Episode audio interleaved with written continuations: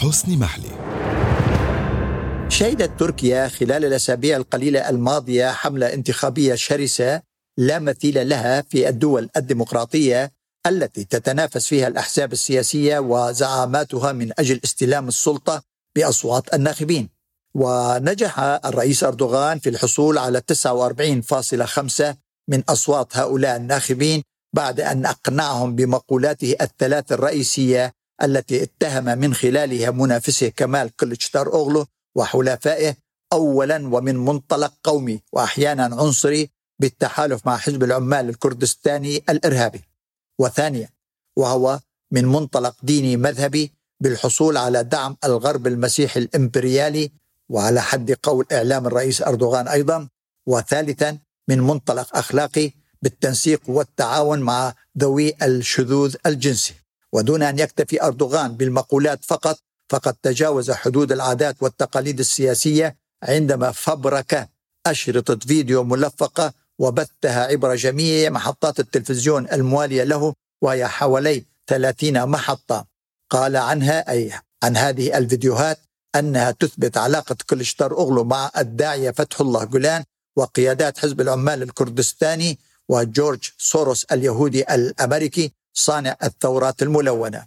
وأخيرا ما يثبت تأييده لمنظمات المجتمع المدني التي تتبنى الشذوذ الجنسي بما في ذلك زواج الرجال بالرجال والرجال مع الحيوانات. وعلى حد قول وزير الداخلية سليمان سويلو ودون أن يتذكر أحد أن الداعية فتح الله جولان كان الحليف الاستراتيجي لأردوغان حتى محاولة الانقلاب الفاشل في تموز يوليو 2016 كما كان أردوغان وباعترافاته هو على حوار مباشر مع زعيم حزب العمال الكردستاني عبد الله أوجلان الموجود في السجن منذ عام 1999 كما لم يتذكر أحد أن جورج سوروس كان صديقا مقربا جدا من الرئيس أردوغان والتقى به على الأقل أربع مرات منذ أن كان رئيسا لبلدية إسطنبول.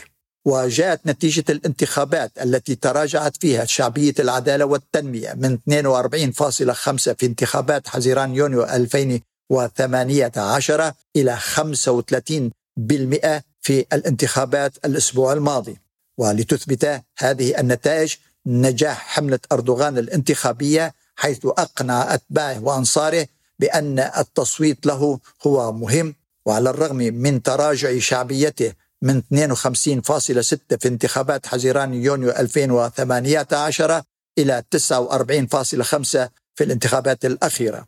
وكل ذلك بفضل سيطرة أردوغان المطلقة على حوالي 90% من وسائل الإعلام الحكومية والخاصة. وكان هذا النجاح أيضا بفضل سيطرة أردوغان على جميع مؤسسات ومرافق وأجهزة الدولة التي استنفرت كل إمكانياتها المادية والسياسية والإدارية خدمة لحملة الرئيس أردوغان.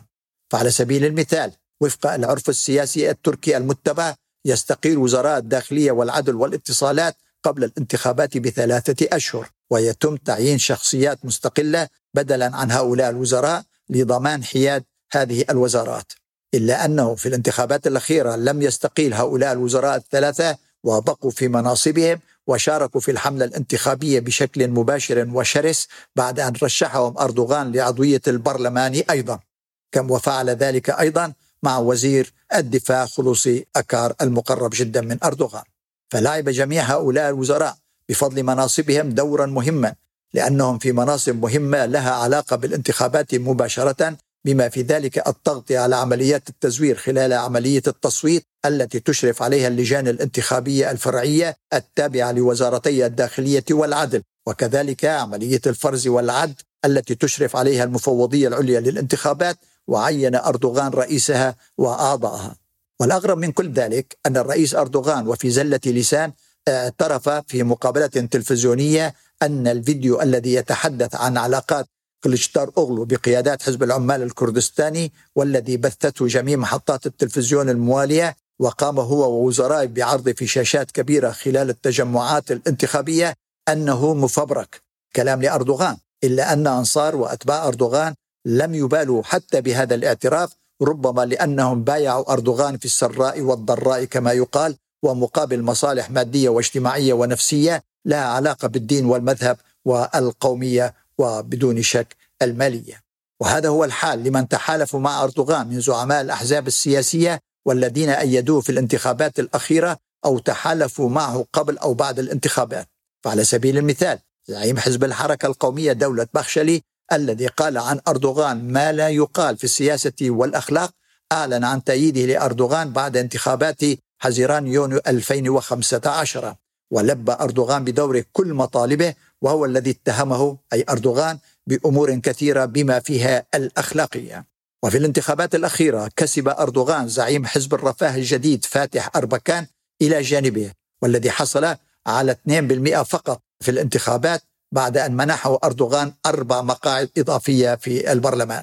ودون أن يبالي فاتح أربكان بما كان يقوله والده رئيس الوزراء الأسبق والزعيم الإسلامي التاريخي نجم الدين أربكان حيث قال عن أردوغان أي نجم الدين أربكان أن أردوغان صنيعة إمبريالية صهيونية وأن كل من يصوت له أي لأردوغان إنما يصوت لأمريكا وإسرائيل.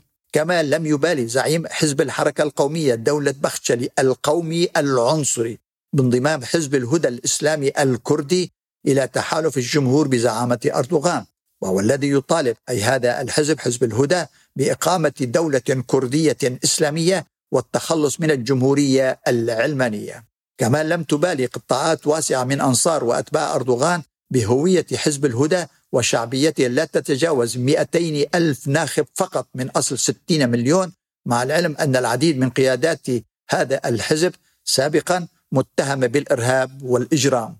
ولم يكتفي أردوغان بكسب فاتح أربكان وحزب الهدى الإسلامي الكردي الذي أعطاه أردوغان هو أيضا أربع مقاعد في البرلمان بل نجح في إقناع المرشح الثالث سينان أوغان الذي أعلن عن تأييده لأردوغان في الجولة الثانية. في الوقت الذي أعلن فيه زعيم حزب النصر وأستاذ العلاقات الدولية أميت أوزداغ الذي رشح هو شخصيا أوغان لانتخابات الرئاسة عن تأييده لكمال كليشتاروغلو. ويعرف الجميع أن الأغلبية الساحقة التي صوتت لسنان أوغان ونسبتهم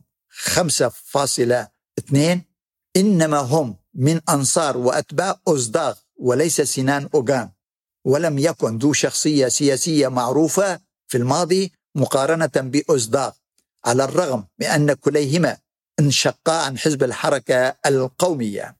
فإذا صوت أتباع أوزداغ ومعهم أولئك الذين صوتوا للمرشح الرابع الذي انسحب من السباق في الجولة الأولى وهو محرم إنجا حينها ستزداد حظوظ كليشتار أغلو في الجولة الثانية مع التذكير أن حوالي 6 مليون و700 ألف من الناخبين لم يتوجهوا إلى صناديق الاقتراع لسبب ما وحوالي مليون مواطن ألغيت أصواتهم لسبب ما أيضا كما أن البعض من أتباع وأنصار كليشتاروغلو وزعيمة الحزب الجيد مرال أكشنار كانوا قد صوتوا لسبب ما في الجولة الأولى لسنان أوغان. فهؤلاء جميعا سوف يعودوا ويصوتوا لكلشتار أوغلو بعد المعلومات التي تحدثت عن صفقة للمصالح السياسية والمالية لعبت دورا أساسيا في دعم سنان أوغان لأردوغان.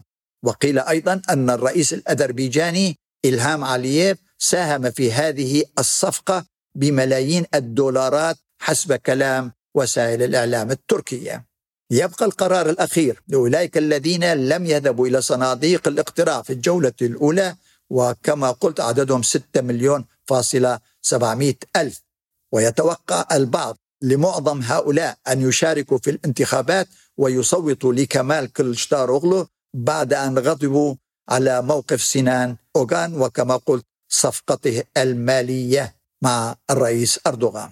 وفي جميع الحالات تبين كل المعطيات أن كلشتاروغلو هو الأوفر حظا من أردوغان وللأسباب التي ذكرتها وأردوغان يتخوف من هذا الاحتمال بعد أن ازداد الغضب الشعبي ضده فالكثيرون لا يخفون قلقهم من احتمال أن يبقى أردوغان في السلطة وأن يدمر البلاد سياسيا واقتصاديا وماليا واجتماعيا وثقافيا خاصة إذا استمر في سياساته الحالية وأهمها مساعيه للتخلص من إرث الجمهورية العلمانية التي تستعد للاحتفال بالذكرى المئوية على قيامها في التاسع والعشرين من أكتوبر تشرين الأول القادم. وبات واضحا أن قبل هذا التاريخ تركيا ستشهد الكثير من التطورات المثيرة جدا والتي ستقرر مصير ليس فقط هذا البلد بل المنطقة عموما.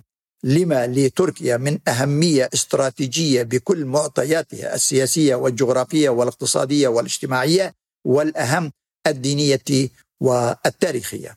وإلى اللقاء في حلقة جديدة من بودكاست من الأناضول. لنتحدث حينها عن تركيا الجديدة بعد الانتخابات وايا كان المنتصر أردوغان أو كلشتاروغلو